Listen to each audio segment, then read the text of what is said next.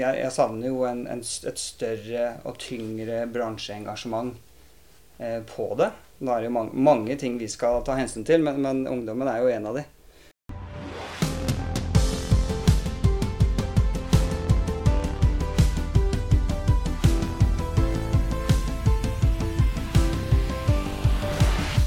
Tunge vekter, fancy apparat, store speil, svette spinningsykler og ropende gruppeinstruktører. Det er iallfall noe av det jeg tenker på når jeg tenker på treningssenter. Og det du tenker på? Kanskje er det store muskelbunter i singlet som brøler og slipper vektene tungt ned i gulvet etter at de har maksa i markløft? Noen tenker nok at treningssenter er en plass der ikke de passer inn. At de må trene seg sterke nok før de kan begynne på treningssenteret. Andre tenker kanskje på ungdommen sin og er kanskje redde for at de kan havne i feil miljø og bli frista til snarveier når de går fra f.eks. idretten til treningssenteret.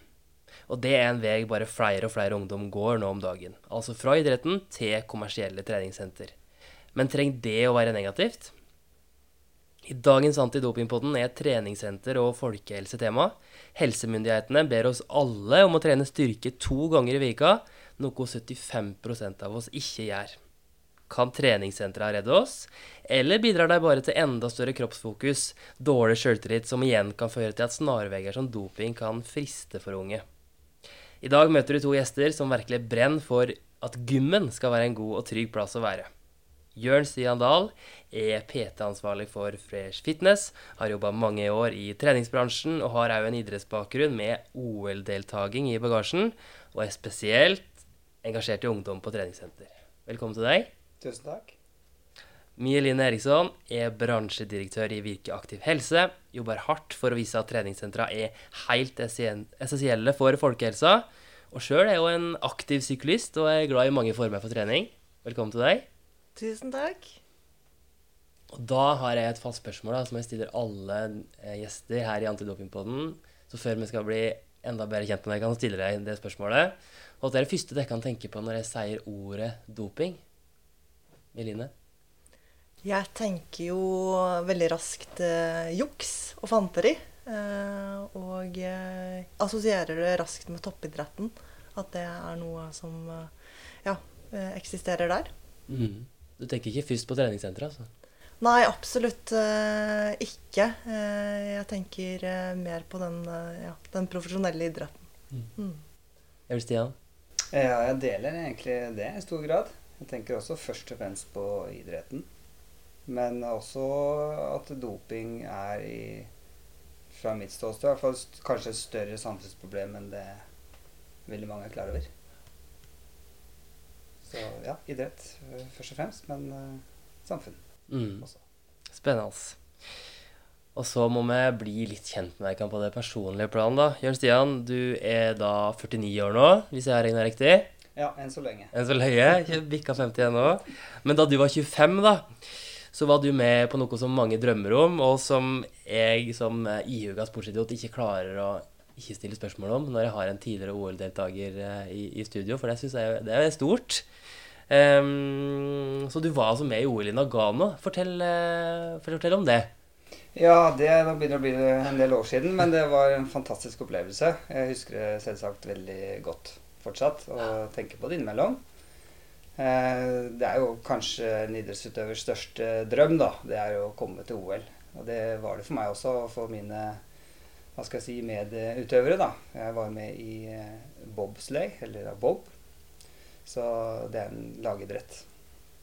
Så det var en stor, mektig opplevelse som har formet meg og ja, gitt meg mange gode relasjoner som jeg også har hatt stor glede av nå i ettertid i mitt profesjonelle virke. Har du tatt med deg mye av idrettsbakgrunnen inn i, i treningssenterlivet ditt? Ja, det vil jeg si. I veldig stor grad. Eh, kanskje, ikke, kanskje, ikke, i den eh, sammenheng med volum og intensitet og, og mengde, men, men, mentaliteten rundt og det systemet rundt det å prestere, det er noe jeg har prøvd å tilpasse mer i en kommersiell setting. Mm. Så ja, det har jeg tatt med meg videre. Mieline, jeg har ikke klart å finne noe OL-deltakelse når jeg har gjort research eh, på deg. Det har du kanskje ikke? Nei, jeg er ikke som Jørn Stian, men jeg har jo faktisk hatt en drøm om OL. For jeg har drevet med taekwondo i nesten 30 år. Oh, ja. Men eh, jeg klarte aldri å komme meg til OL. Så det Men du var inne i tankene og nærma deg litt, altså? eh, Ja, men eh, det var nok en, et stykke igjen. Mm, ja. Men nå er du spesielt glad i sykkel og andre former for aktivitet? Ja, det er litt sånn når man blir eh, eldre, så finner man sine nisjer. Så for rundt to år siden, da tok jeg frem eh, sykkelen og kjøpte meg en eh, ordentlig rulle. Så nå er jeg blitt sånn veldig en swifter. De som sykler, vet hva det er. Ja. Så den treningsformen som gir deg mest energi og glede, det, det å sitte på rulla? Eller må du helst ut i, i landskapet da?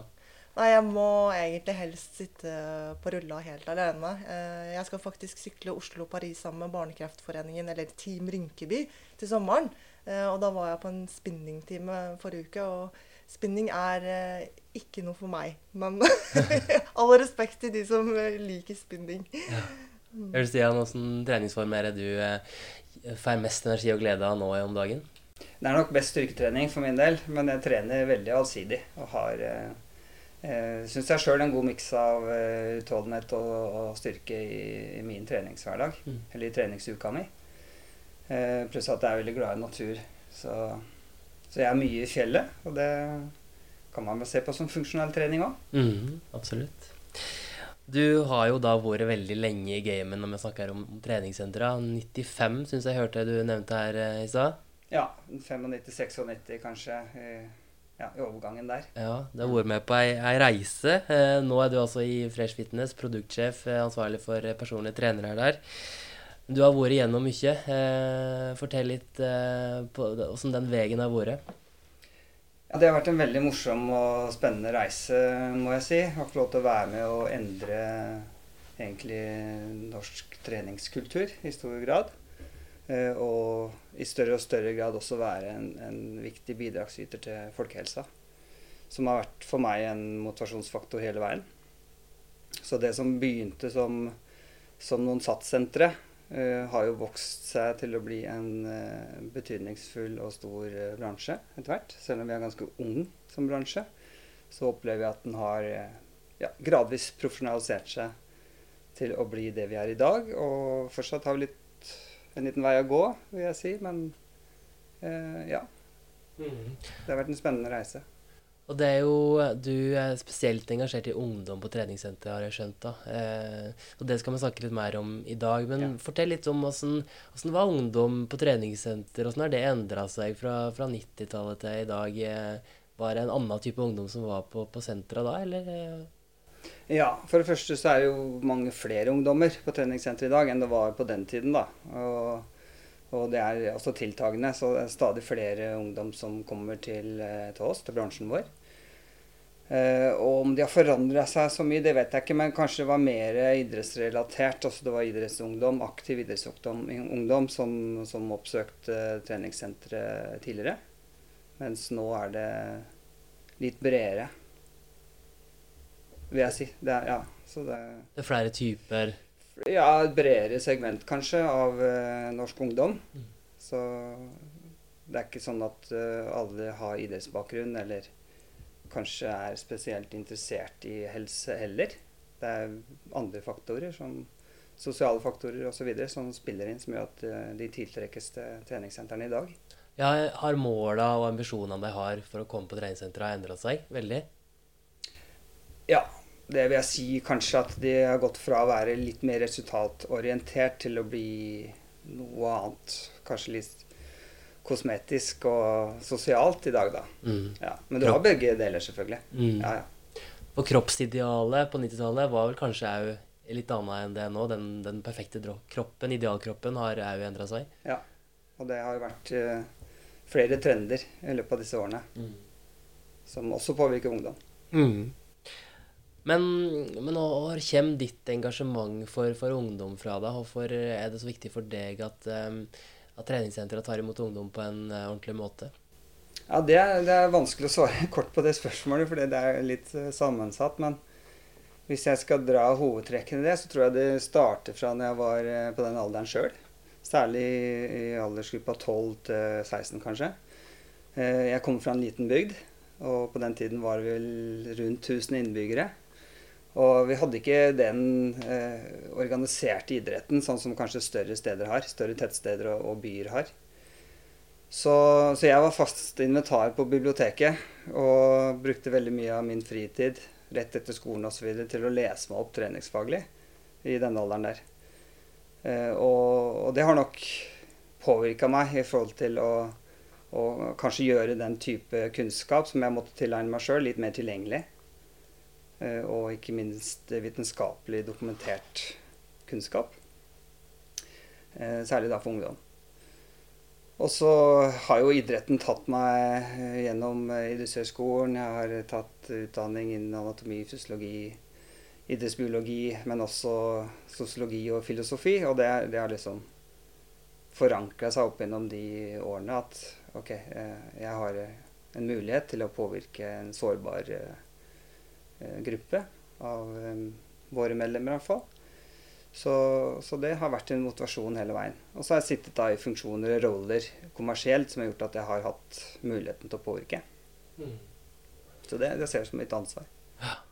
Altså, som du er sjøl inne på, da, så, så, er det jo en trend at en starter tidligere på, på treningssenter. Flere gjør det. Jeg las senest i Aftenposten denne vika her om, om denne trenden. Eh, og at den, den myta om at styrketrening ikke er bra for barn i vekst, det, mm. den blir avkrefta gang på gang. Ja. Um, og mange kommer fra idretten som sliter med, med frafall. Um, er det i treningssenteret en god arena for uh, ungdom i, i tidlig tenåra, tenker du?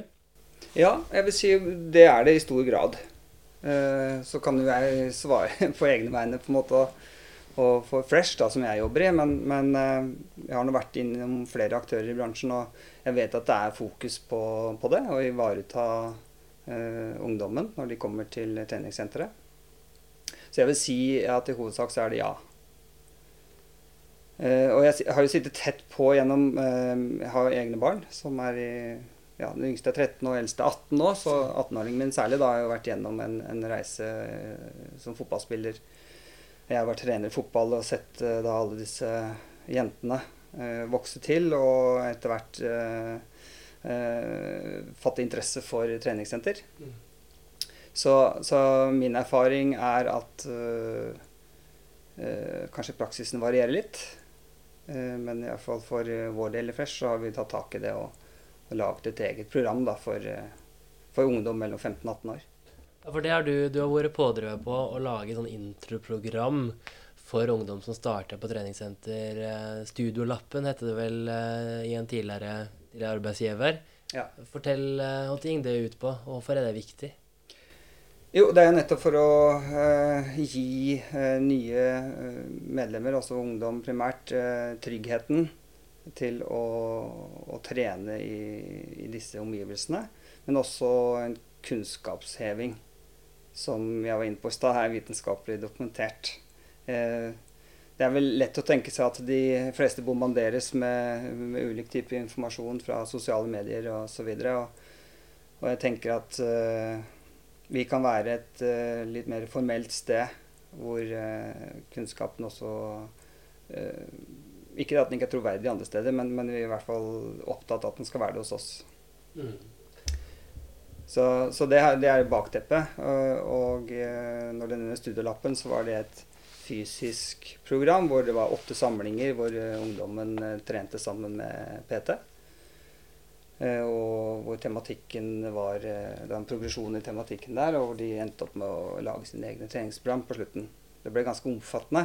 Så hvordan det gjøres i dag, det kan jeg ikke svare for. Men hvordan vi gjør det i, i Fresh, i hvert fall, så er det nå et e-læringsprogram. Som vi bl.a. har gjort sammen med, med dere mm. i Antidoping Norge. Så ingen ungdommer skal komme inn på og begynne å trene på treningssenter uten å ha fått, en, fått noe kunnskap da, ja. gjennom det? Mm. Miline, som, som, bransjedirektør, er vel det kanskje en god løsning? At få en sånn standard på det at når ungdom melder seg inn på et treningssenter, så, så får de obligatorisk kunnskap? Ja, absolutt. Eh, jeg har veldig stor respekt for den eh, jobben som eh, Jørn Stian gjør, og andre aktører i bransjen gjør, nettopp for å forberede ungdommen på hvordan det er å etablere gode treningsrutiner. Og så er det jo det med skadeforebygging og hva som fungerer og eh, ikke fungerer. Det er jo en uh, doktorgrad i seg selv. Så syns jeg jo det er viktig å sette det i et sånt større samfunnsperspektiv også.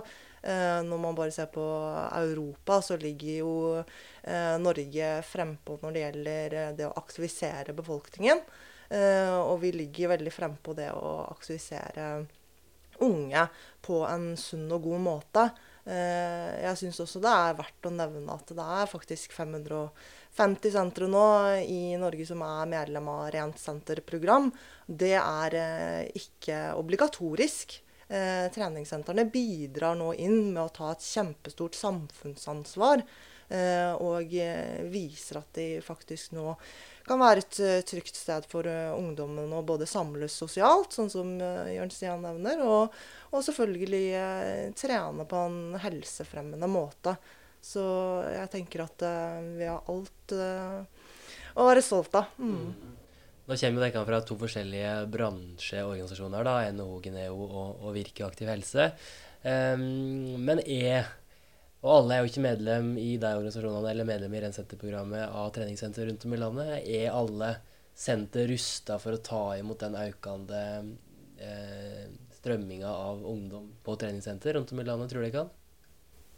Nei, jeg tror eh, at eh, det er eh, Og jeg tror ikke bare jeg ser på eh, tallene også. Det er veldig store variasjoner i treningssenterbransjen. Alt fra de som eh, ligger helt, helt frempå, og de som ligger veldig bakpå. Og det klassiske boliggymmet på hjørnet i kommunen. Vi vet eh, altfor mange Altså hvor det ligger, og hvem hva man kan si, de er.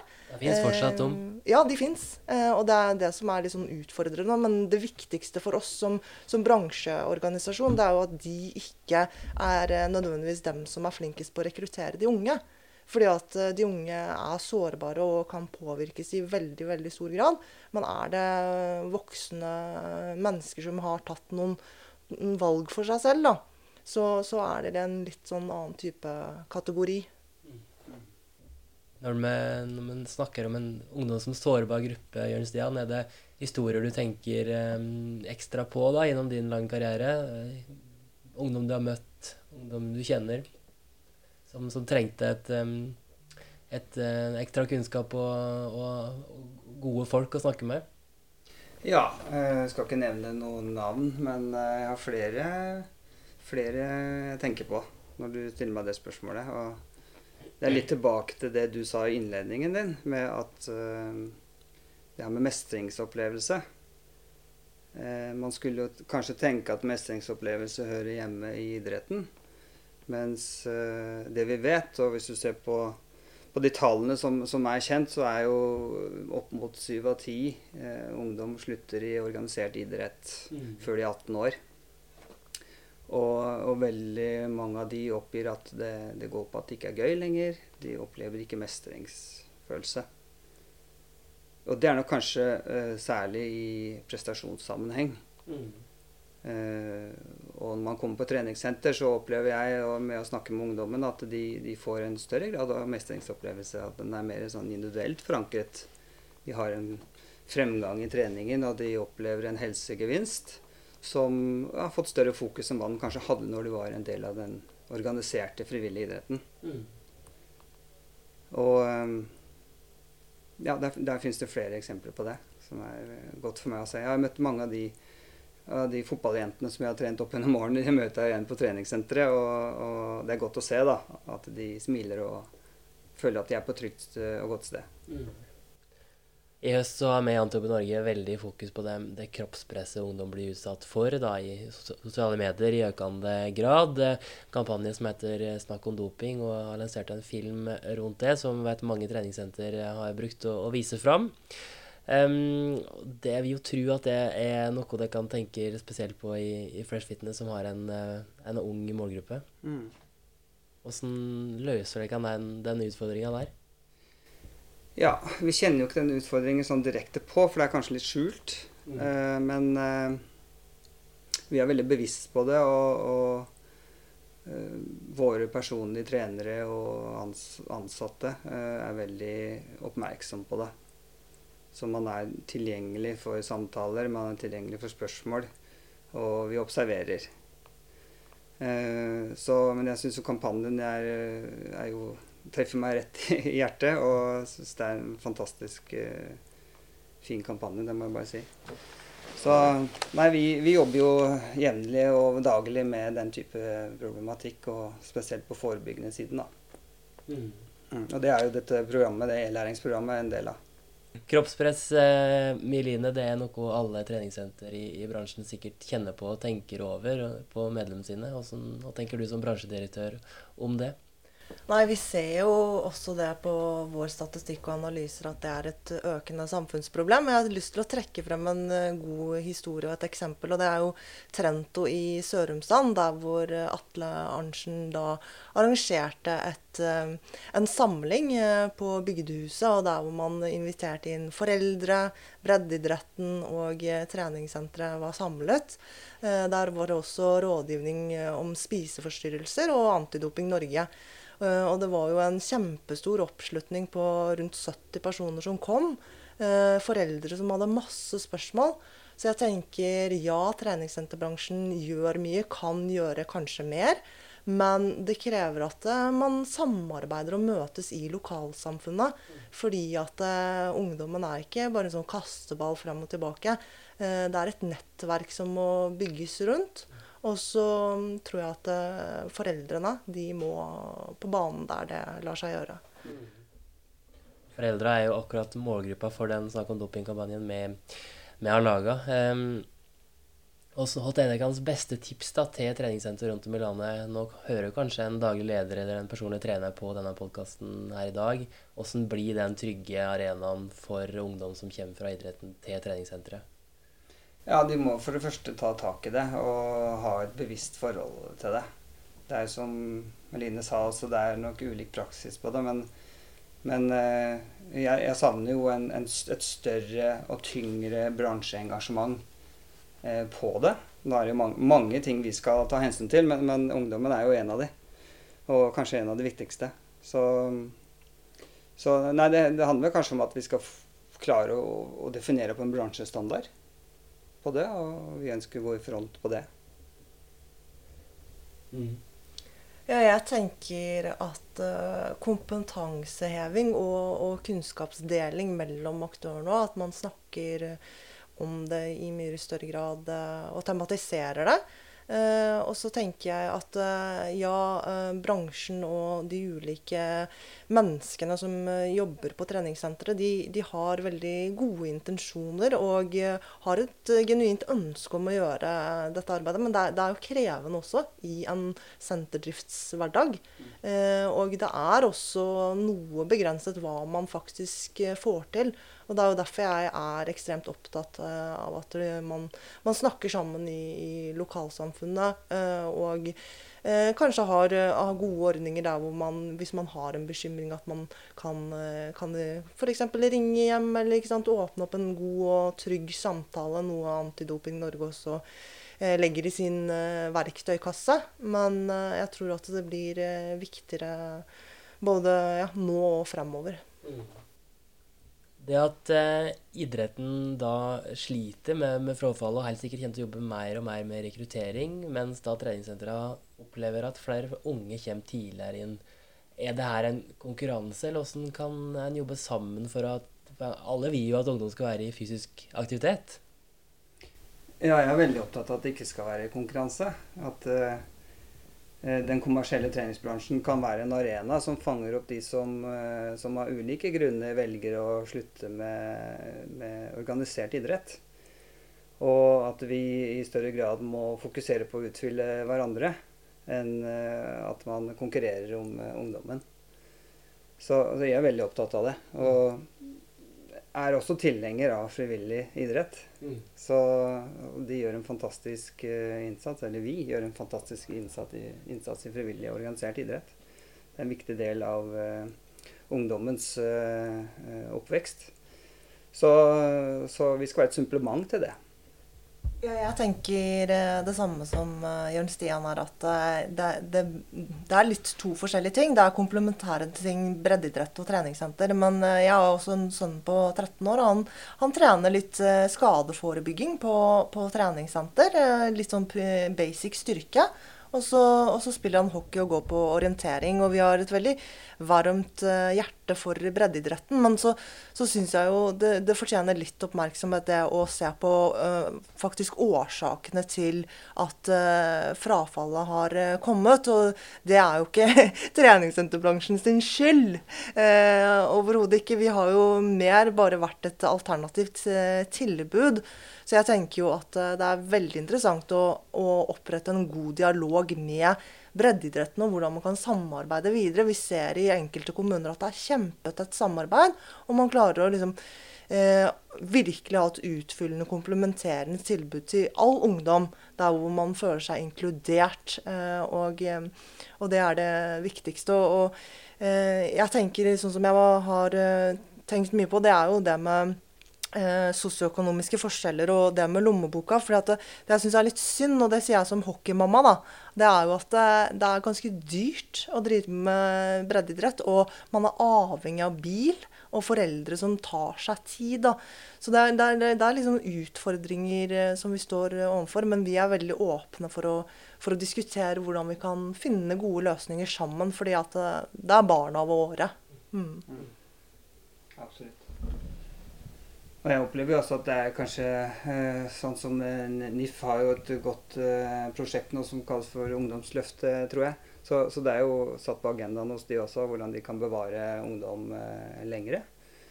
Og som det blir sagt her, vi, vi, vi, må se på synergien i disse to arenaene. Og til syvende og sist det handler om å, å bevare helsa til norsk ungdom. Absolutt.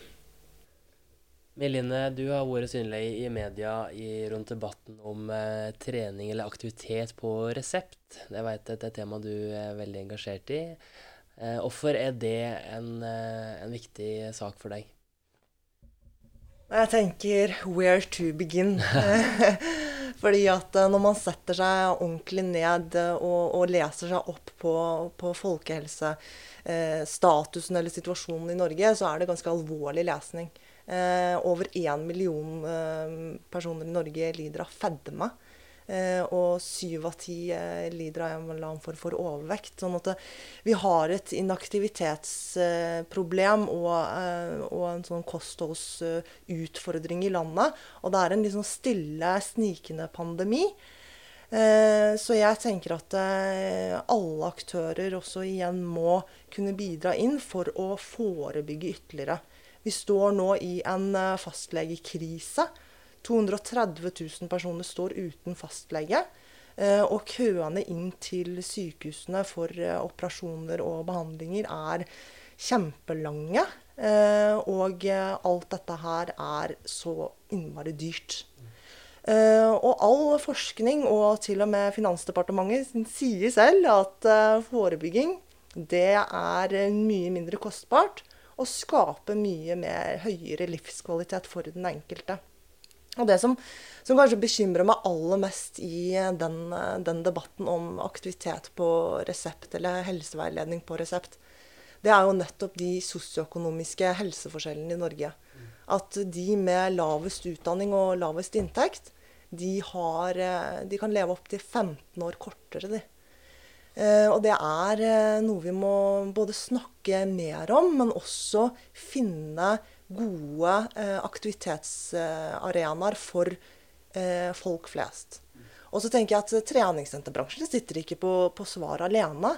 Men vi representerer et så viktig aktivitetsmangfold i befolkningen for hvis du ser på treningssenter i dag, det er ikke bare én ting. Det er ikke bare fullskalasenter. Du kan komme inn et sted, føle at du kommer inn på en klinikk. Du kan føle at du kommer inn på et behandlingssenter. Eller at du kommer inn på noe som er kjempegøy og spennende og et litt sånn uh, party, partysted. Men, men, poenget mitt er at, eh, at vi, vi, har funnet frem veldig mange gode treningstilbud. Og så er det selvfølgelig skog og mark, DNT, eh, sykling. Altså alle må finne sin sånn triggerpunkt. Eh, men, men, aktivitet eller helseveiledning på resept, det tenker jeg at eh, det bør vi kunne finansiere eh, over, over skatteseddelen. Mm. Men som jeg nevnte i innledninga, så er jo ikke alle som føler at treningssentra er, er, for deg, og føler at det ikke er sterke nok eller bra nok for å komme seg inn på treningssenteret. Hvordan skal sentra klare å bli den arenaen for alle de som er inaktive i dag? Jeg tenker at det nødvendigvis ikke er en målsetning i seg selv, men uh, våre si, analyser viser at vi har et potensial på kanskje å aktivisere 30 uh, igjen. da. Og det er kanskje 1,5 millioner av befolkningen i ytterligere grad. og grunnen til at jeg sier at det er potensialet, det er fordi at det var de oppgir som årsak til at de ikke trener på treningssenter. Eh, og f.eks. så er det sånn at 6 eh, oppgir at de mener at det er, eh, er for dyrt.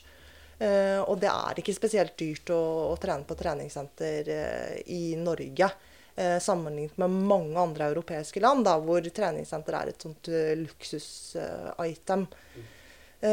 og så tenker jeg at selvfølgelig vi må jobbe enda mer målrettet for det med å avlive disse mytene eh, som ligger der ute. Fordi at jeg hører at det fortsatt, og da kan jeg bli litt sånn eh, småprovosert, at folk sier at ja, der hopper man rundt omkring i kondomdress og det ene og det andre. Det, da, da, har du på en måte ikke vært på, på dagens eh, treningssenter, da. Så da syns jeg Da kan man heller eh, bare ikke uttale seg, hvis man ikke vet helt hva man prater om. og det er vel du eh, sannhetsvitne til, da, høres det ja, har vært med hele veien. For det, det, var vel kanskje litt flere svære muskelbunter som, eh, som ropa høyt, som jeg nevnte i innledninga på 90-tallet? Ja. ja. Mellomsammensetningen har endret seg totalt. Mm. Så det er eh, alle oss vanlige som, eh, som er på treningssenteret i dag. Og i alle aldersgrupper. Mm. Så um, Nei, det gleder meg veldig å høre det som blir sagt her, fordi jeg tenker at exercise is medicine. og det er liksom Uavhengig av hva slags type aktivitet det er, og hvilken arena det er på, så, så vil det ha ja, medisinsk effekt. Så vi er, vi er, skapt for bevegelse, og en bevegelse gjør gode ting med kroppen. Både forebyggende og rehabiliterende. Så det er ja, jeg er veldig glad for at det har eh, blitt et så sterkt punkt på agendaen. Så treningssentra kan redde folkehelsa vår, eller?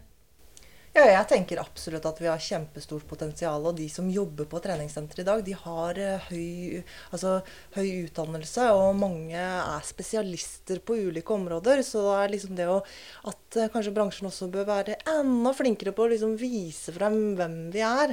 Eh, og det de er flinkest på, og som jeg har så respekt for alle sant, gruppeinstruktører og personlige trenere, det er å skape relasjoner, treningsglede, og at uh, nødvendigvis ikke alt skal være eh, A4. Og så har jeg bare lyst til å nevne én ting, Eh, og det er at, at vi er liksom næringsdrivende eller kommersielle. da. Og jeg tenker at alle andre arrangerte eller organiserte aktivitetstilbud, de er ikke gratis. Altså, eh, eh, det, det, finansieres over vår skatteseddel, men det oppleves som gratis fordi at eh, Jørn Stian og meg slipper å betale for det selv. Men det er absolutt ikke gratis. Men det er bare spørsmål om hvem som, hvilken lommebok man bruker, da. Så jeg har litt sånn lyst til å ja, nevne det. For det, det, det, er ikke noe farlig eller ulovlig å være næringsdrivende. Det er det ikke.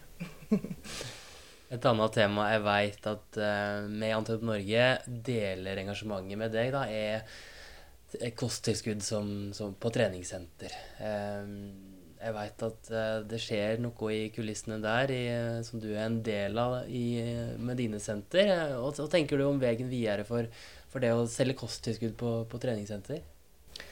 Jeg tenker at Mye av delen min er å sparke treningssentrene litt sånn kjærlighetsfullt på leggen. Fordi at det er litt sånn å se hvor er det vi er i dag, og hvor er det vi ønsker å, å komme oss fremover i tid. Eh, og eh, høyrisiko kosttilskudd, eh, der hvor man har ulike blandingsformer og eh, det med pre pre-workouts. Føler meg gammel når jeg ikke klarer å uttale disse ordene. Men, men, men poenget mitt er at det, sånn som vi har diskutert tidligere, at det er veldig stor stort avvik mellom hva forskerne sier, eh, og hva, hva, markedsføringen egentlig klarer å fortelle oss. Da. Og forskerne sier at det, det er de aller, aller færreste har behov for, for kosttilskudd, og særlig eh, disse spesialiserte kosttilskuddene. Eh, du kommer deg veldig langt med en banan eller en, et glass med melk. sånn at eh, det har noe med også denne, denne forurensningen å gjøre. og det, Den kjenner dere til bedre enn en meg, men, men, det er jo sånn at det er mye, mye forurensning som kommer fra, fra kosttilskudd. da. Ja, så er det viktig å skille på kosttilskudd her, som du er inne på. Skille på høyrisikotilskudd, som blandingsprodukt og pre-workout eh, og diverse. Eh, og det kommer jo igjen da med ungdom som kommer inn på treningssenter og kanskje tenker eller får høre Vi får jo spørsmål på dopingkontakten. Åssen tilskudd må jeg ta før jeg begynner å trene på treningssenter? Det er liksom en forståelse om at en er nødt til å ta, ta ting i tillegg til den treninga for å få den effekten de er ute etter. da. Og det er vel òg en del av et sånt introprogram å, å gi kunnskap. Ja, det, det, er det. Vi har eh i dette e-læringsprogrammet som vi har i Fresh, så er en av modulene, det er fire moduler, og en av de omhandler kosttilskudd. Og særlig da høyrisikotilskuddene, mm. som har eh, store lovnader eh, om eh, muskelvekst og, og ja, eh, fettreduksjon. Eh, alle, alle, disse spesifikke og spissformulerte eh, tilskuddene. Mm. Og dess, dessverre så ser vi ganske stor utstrekning av bruk hos ungdom også. Så, så det, det, er bekymringsverdig. Og vi, ja, vi, ønsker å påvirke de så tidlig som mulig, som sagt, gjennom dette læringsprogrammet. Men, men ja, det, vi skal gjøre mye mer. Mm. Det er noe bransjeorganisasjonen har lyst til å ta tak i og, og jobbe med framover. Ja, absolutt. Og jeg tror at treningssenterbransjen ikke må undervurdere verdien av sin infrastruktur. Eh, det er mange gode, sunne leverandører som er interessert i å også promotere sine produkter i den infrastrukturen som, som bransjen forvalter. Eh, det er jo én ting. Og så er det jo det å tenke liksom fremover. Hva er det fremtidens forbruker etterspør? Og det er jo bærekraft innenfor både sant, mat, helse, miljø. Sånn at vi må, må lese hva, hva også forbrukermønsteret kommer til å etterspørre om fem-ti år. Og så må vi være eh, kanskje de som også nudger forbrukerne i, i, riktig retning, og det er jo helse. Og så kan vi snart få inn eh, min kollega Kristoffer, som jobber med treningssenter her i Antidoping Norge. For det er slik at vi lanserer en helt ny versjon av Ren senter-programmet i disse dager ny e-læringsplattform i helt ny drakt og med mange viktige tiltak for treningssenter rundt om i landet her. Jørn Stian, du kjenner jo kanskje spesielt godt til det i, etter mange år i treningsbransjen? Det gjør jeg. Har vært, eh, jeg har vært involvert i Rensetterprogrammet helt fra egentlig dere startet omtrent. Så, så, det har hatt en stor betydning for eh, alle de virksomhetene jeg har vært involvert i. Det ligger jo f.eks. veiledning og råd til åssen en tar den viktige samtalen da, med et treningssentermedlem en kanskje er bekymra for. Og jeg vet at de samtalene har vel du hatt en del av opp igjennom? Ja, jeg har hatt det. Og det, det har uh, vært en etterspørsel blant oss uh, som er en del av programmet. At, uh, at både brukerveiledninger og, og annen, annen type rettledning blir mer tilgjengelig. Eh, og det blir det nå, som vi sikkert skal høre mer om straks. Og en av de tingene er jo det her med bekymringssamtaler, som, som nok er en terske for veldig mange eh, i treningssenteret å gjøre, da. Så ja, som gammel ringerev så, så, blir jeg ofte ringt til for å ta disse samtalene. ja, for det er det mange som kvier seg for å ta det sjøl? Ja, det er nok. Eller det er det. Så men det er ikke noe grunn til? Nei, det er litt ubegrunna. fordi min, min, erfaring som har gjort en del av de samtalene, er jo at uh, det ikke er så skummelt. Og, og, ofte så blir det nært og kanskje litt uh, fint. Uh, vi må slutte å tenke at vi skal ta noen, eller vi, vi, skal, vi skal, på en måte være der som en rådgivende funksjon og, og, sette fingeren på noe vi er bekymret over, og det ligger jo mye omsorg i. Mm. Så hvis man klarer å forvalte det og, inn i en sånn samtale, så så er i hvert min erfaring at det, det blir en god opplevelse for eh, begge parter. Mm. Nå vet jeg at du gleder deg veldig til å vise fram Ren senter-programmet til alle landets treningssenter eh, endelig. og at dere der kan forvente blir enda bedre i den nye versjonen? Nei, det er, jo, det er, jo, helt rett som du sier, at uh, Rensenterprogrammet har jo eksistert lenge. Nå kommer det inn ny drakt. Uh, noe som jeg tror at uh, Går man inn på rensenter.no nå, så møter man egentlig bare en innlogging til e-læringa. Nå blir egentlig dette satt mye mer i system. At man får senteret laget en bruker. Der får man tilgang til alle ressursene digitalt som Antidoping Norge tilbyr. Man får tilgang til denne samtaleveilederen som Jørn Stian var inne på. Man får tilgang til å kunne komme i kontakt med oss i forhold til rådgivning. Eh, man kan melde seg på kurs i den viktige samtalen, bl.a. Og det er ikke sikkert at alle vet det, men ved å være medlem av Rensenterprogrammet så får man tilgang til gratis kurs i samtalegjennomføring. Og det vil man kunne f.eks. gå inn i portalen og melde seg på og få oversikt over hvor og når sånne ting skjer, da, så man ikke går glipp av, av viktige ting som, som, ligger i programmet. Eh, og så er det selvfølgelig infrastruktur for å kunne kvalitetssikre sertifiseringsprosessen, så man får oversikt over hvilke dokumenter man må holde oppdatert. Man må ha egne erklæringer for de kosttilskuddene man selger, at de er frie for doping osv. Da får man beskjed hvis det noe av det er utdatert, f.eks., sånn at man passer på å holde systemene sine oppdatert. Så det blir jo en, en mye mye mer oversiktlig Det blir egentlig antidopingprogram med full oversikt. da. Så det tror vi kommer til å bli et, et stort løft. Så ligger det jo òg en del eh, videoer der der vi veit at Jeline deltar, f.eks. Flere sånn eksempel på, på senter rundt om i landet som gjør en god jobb, som man kan bli litt inspirert av sjøl. Ja, virkelig. Og, og, jeg tror liksom at der har vi som Antidoping Norge et viktig fokus på å løfte fram de som faktisk gjør en veldig god jobb. For som Mielin eh, var inne på, så er det, det er 550 sentre omtrent som, som, er med i programmet, og som jobber daglig med dette. Og mange kan jo tenke seg at det er liksom vi i Antidoping Norge som driver antidopingarbeidet eh, på treningssenter. Men det er det jo ikke. Det er jo sentrene sjøl som driver det. Vi er med å rådgive og, og, og, og på en måte legge til rette. Men vi er jo ikke ute på treningssentrene og driver daglig antidopingarbeid. Det er det jo Jørn Stian og alle medlemmene til Mieline som gjør. Så, så, for vår del så handler det jo om å løfte fram eh, de, og de som faktisk gjør jobben, sånn at andre kan bli inspirert og se åssen de, de, løser det. For der er jo faktisk der arbeidet skjer. Mm. Hvis det sitter eh, mm hvis det sitter ansatte som jobber på et treningssenter som ikke er et treningssenter i dag, eller ledere av eh, treningssenter som ikke er medlem i programmet, hvorfor eh, bør de nå ta den utgifta og bli med i treningssenter? Nei, jeg, tror det, det, er viktig å vite at den utgiften er jo liksom på en måte Som Eline sa, det er jo treningssentrene sjøl som finansierer dette programmet. Så de pengene de spytter inn i programmet, får de jo tilbake igjen i form av dette f.eks. e-læringa, disse kursingene, vår besøk, tilgang på rådgivningstjenester hos oss. Man kan, eh, og all informasjonsmateriell, disse markedskampanjene og sånn. Så det er liksom den ene delen, verdien man får. Eh, og så tror jeg det er veldig viktig at det er jo et standpunkt, og det bør man bruke og vise fram. Fordi det er en mulighet til å kunne skille seg ut og fram på en positiv måte og vise f.eks. For til foreldre om at her er det trygt å sende dine barn på trening. Her har man tatt et valg. Man har satt et standpunkt for hvordan kulturen skal være på vårt senter. Eh, og det er det både et kjempeviktig samfunnsansvar, men jeg tror det ligger et potensial for mange som skal måtte velge. Det er kjempemange treningstilbydere tilgjengelige. Men det å kunne vise det fram med at her har vi gjort dette, det er jo et potensial for å gjøre det lettere for folk å velge hvor de skal trene. Så det tenker jeg at eh, det er jo en viktig del av det programmet tilbyr, er jo det stempelet på at her er det trygt, og her kan dere velge oss og vite hva dere får.